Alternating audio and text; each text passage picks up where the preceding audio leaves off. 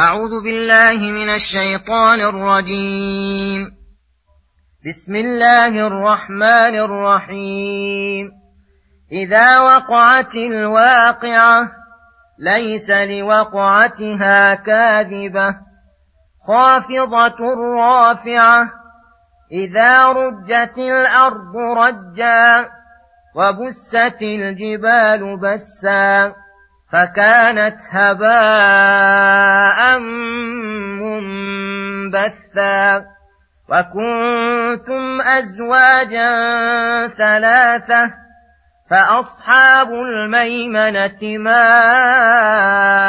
أصحاب الميمنة وأصحاب المشأمة ما أصحاب المشأمة والسابقون السابقون أولئك المقربون في جنات النعيم ثلة من الأولين وقليل من الآخرين على سرر موضونة متكئين عليها متقابلين. يطوف عليهم ولدان مخلدون بأكواب وأباريق وكأس من معين. لا يصدعون عنها ولا ينزفون.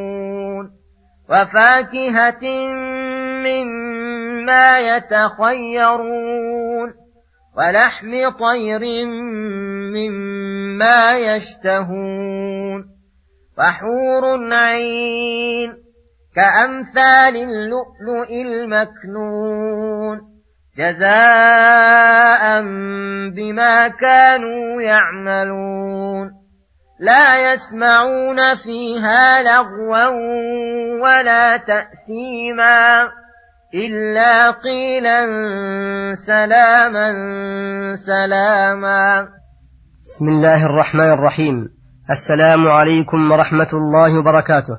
يقول الله سبحانه إذا وقعت الواقعة ليس لوقعتها كاذبة خافضة رافعة الآيات.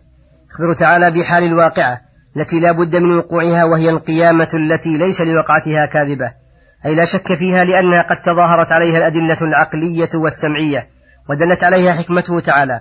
خافضة رافعة أي خافضة لأناس في أسفل السافلين رافعة لأناس في أعلى عليين أو خفضت بصوتها فأسمعت القريب ورفعت فأسمعت البعيد إذا رجت أرض رجا أي حركت واضطربت وبست الجبال بسا أي فتتت فكانت هباء منبثا فأصبحت ليس عليها جبل ولا معلم قاعا صفصفا لا ترى فيها عوجا ولا أمتا.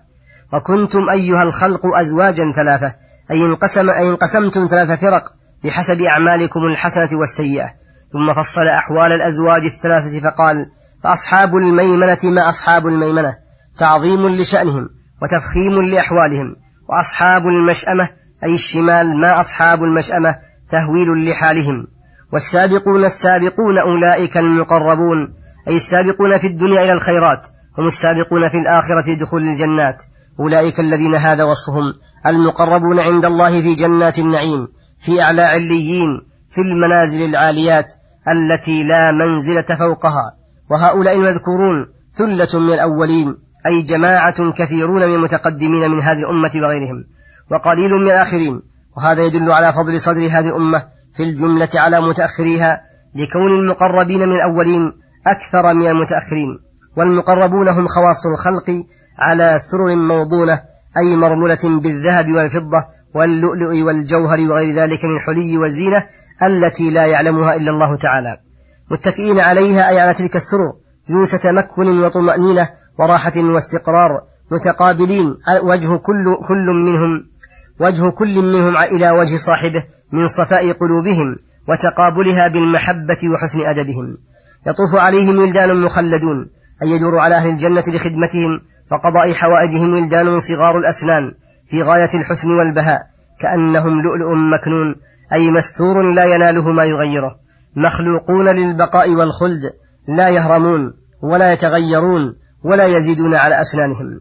ويدورون عليهم بآنية, بآنية, بآنية شرابهم بأكواب وهي التي لا عرى لها وأباريق الأواني التي لها عرى وكأس من معين أي من خمر لذيذ المشرب لا آفة فيه.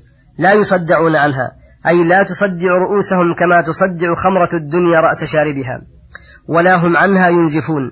أي لا تنزف عقولهم ولا تذهب أحلامهم منها كما يكون لخمر الدنيا.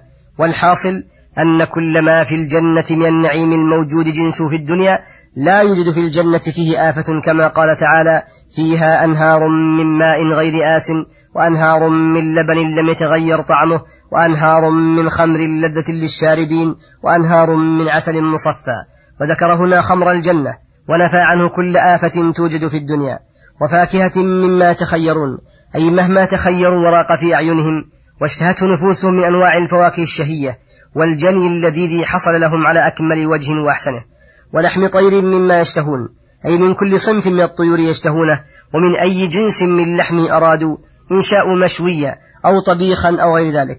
وحور عين أي ولهم حور عين والحوراء التي في عينها كحل وملاحة وحسن وبهاء. والعين واسعات الأعين حسانها وحسن عين الأنثى من أعظم الأدلة على حسنها وجمالها. كأمثال اللؤلؤ المكنون أي كأنهن اللؤلؤ الرطب الصافي البهي المستور عن الأعين والريح والشمس الذي يكون لونه من أحسن الألوان الذي لا عيب فيه بوجه من الوجوه. فكذلك الحور العين لا عيب فيهن بوجه من الوجوه. بل هن كاملات الأوصاف جميلات النعوت فكلما تأملته منها لم تجد فيه إلا ما, إلا ما يسر القلب ويروق الناظر. وذلك النعيم معد لهم جزاء بما كانوا يعملون. فكما حسنت منهم الأعمال أحسن الله لهم الجزاء ووفر لهم الفوز والنعيم. لا يسمعون فيها لغوا ولا تأثيما أي لا يسمعون في جنات النعيم كلاما يلغى ولا يكون فيه فائدة ولا كلاما يؤثم صاحبه. إلا قيلا سلاما سلاما أي إلا كلاما طيبا وذلك لأنها دار طيبين ولا يكون فيها إلا كل طيب وهذا دليل على حسن أدب أهل الجنة في خطابهم فيما بينهم وأنه أطيب كلام وأسره للقلوب وأسلمه من كل لغو وإثم. نسأل الله من فضله أن يجعلنا من أهل الجنة. وصلى الله وسلم على نبينا محمد وعلى آله وصحبه أجمعين. وإلى الحلقة القادمة غدا إن شاء الله. والسلام عليكم ورحمة الله وبركاته.